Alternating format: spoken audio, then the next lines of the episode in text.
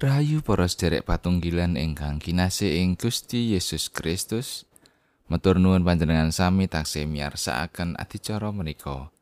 Renungan patintenan basa Jawi Sabdo Winedar. Kados adat sabenipun sesarengan kita badhe ngegilut sabdanipun Gusti. Maosan kitab suci kapendet saking setunggal Korinta bab setunggal ayat 18 ngantos tigang dosa setunggal. Sumangga kita ndedonga langkung rumiyin. Duh Gusti Allah Rama kawula kasuwargan. Kawula para abdi kagungan paduka sowan marek ing ngarsa paduka. Ngaturaken agunging panuwun syukur. Awit sedaya berkah pangrimat ingkang saking paduka. Tanpa kendhat kawula raosaken mili ing gesang kawula. Ing wekdal ingkang mirunggan menika kawula badhe nampi sabda pangandika paduka. Sumangga mugi Gusti ingkang bikak manah kawula lan nyegetaken kawula mangertosi so nindakaken dawuh timbalan paduka menika. Kawula ngrumaosi do Gusti, tasih kathah dosulan kelepatan kawula ing ngarsa paduka. Mugi paduka kersa ngapunteni. Matur nuwun do Gusti. Wonten ing asmanipun Gusti kawula Gusti Yesus Kristus, kawula ndedonga lan saos syukur. Amin. Setunggal Korinta bab setunggal ayat 18 ngantos tigang dosa setunggal. Awit pawarto bab salib iku pancen dadi kabodohan tumrape wong kang bakal padha tiwas. Nanging kanggo kita kang padha kapitulungan rahayu dadi sawab kang saka Gusti Allah. Sebab ana tulisan mangkene. Ingsun bakal nglebur kawasisane para wong wasis lan kapinterane para wong pinter bakal sun sirnakake. Ana ing ngendi wong kang wasis? Ana ing ngendi ahli toret?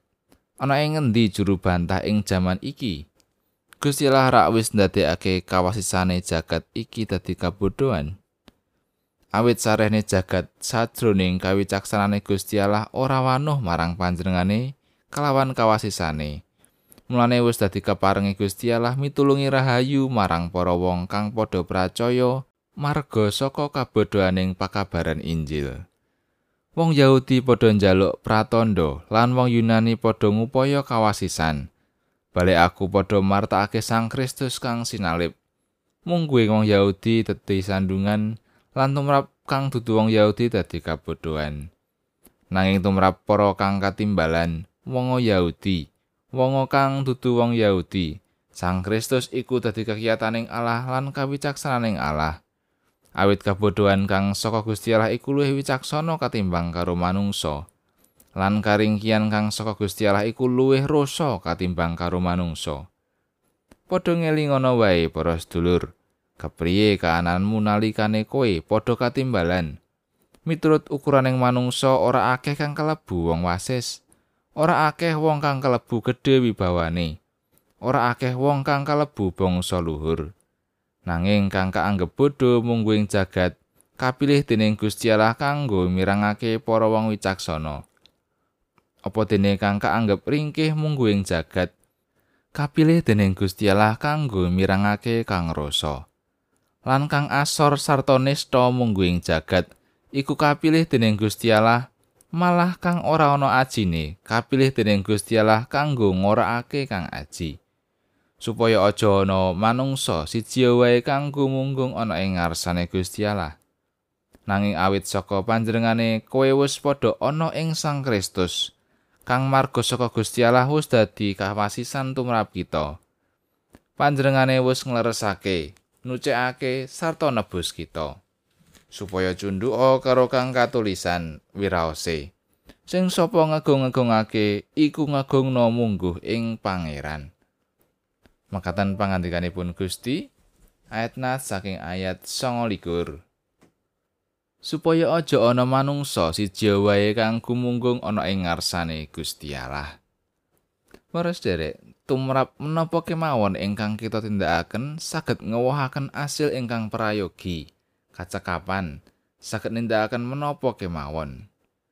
Sacara ekonomi ugi paling sae menawi ketandingaken kalian kiwa tengen. Secara status sosial nggih brayat ingkang misuwur. Kahanan kados mekaten gampil ndadosaken gesangipun manungsa dumawah ing sikep ingkang gumunggung. Temtu boten kathah ingkang saged ngasoraken diri ngaturaken panuwun syukur kunjuk ing ngarsanipun Gusti Allah. Rasul Paulus ngadepi tiang-tiang Yunani ingkang gumunggung, teman boten saged nampeni pawartos kabingan. Boten saged nampeni awit ngukur sedaya perkawis kanthi pamikiran. Menawi sara panggalian boten tinampi inggih boten badhe pitados. Makatan ugi sami ngasoraken pasamuan. Awit ingkang tinimbalan ing satengahing pasamuan boten kathah tiang ingkang sugih, pinter lan sapiturutipun. Menapa ingkang dipun adepi dening Rasul Paulus tumrap adeking pasamuan ugi sikap gumunggung. Kawontenan ing satengahing pasamuan boten kathah ingkang kapandeng secara ekonomi sae, nggadahi pangkat derajat para wasis. Teman kawontenan menika gampil nukulaken sikap sami ngasoraken tiang sanes.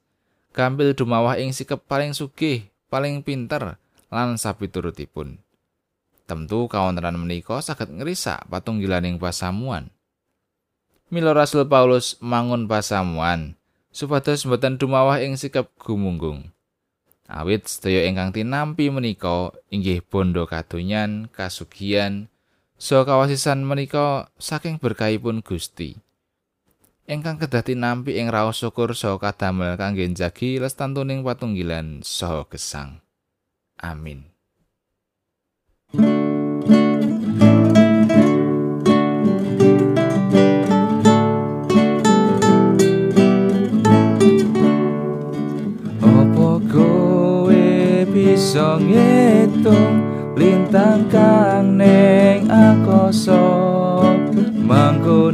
Mangkono mring mandung talasake meko kabeh iku not pangre pangeran kang nitahake.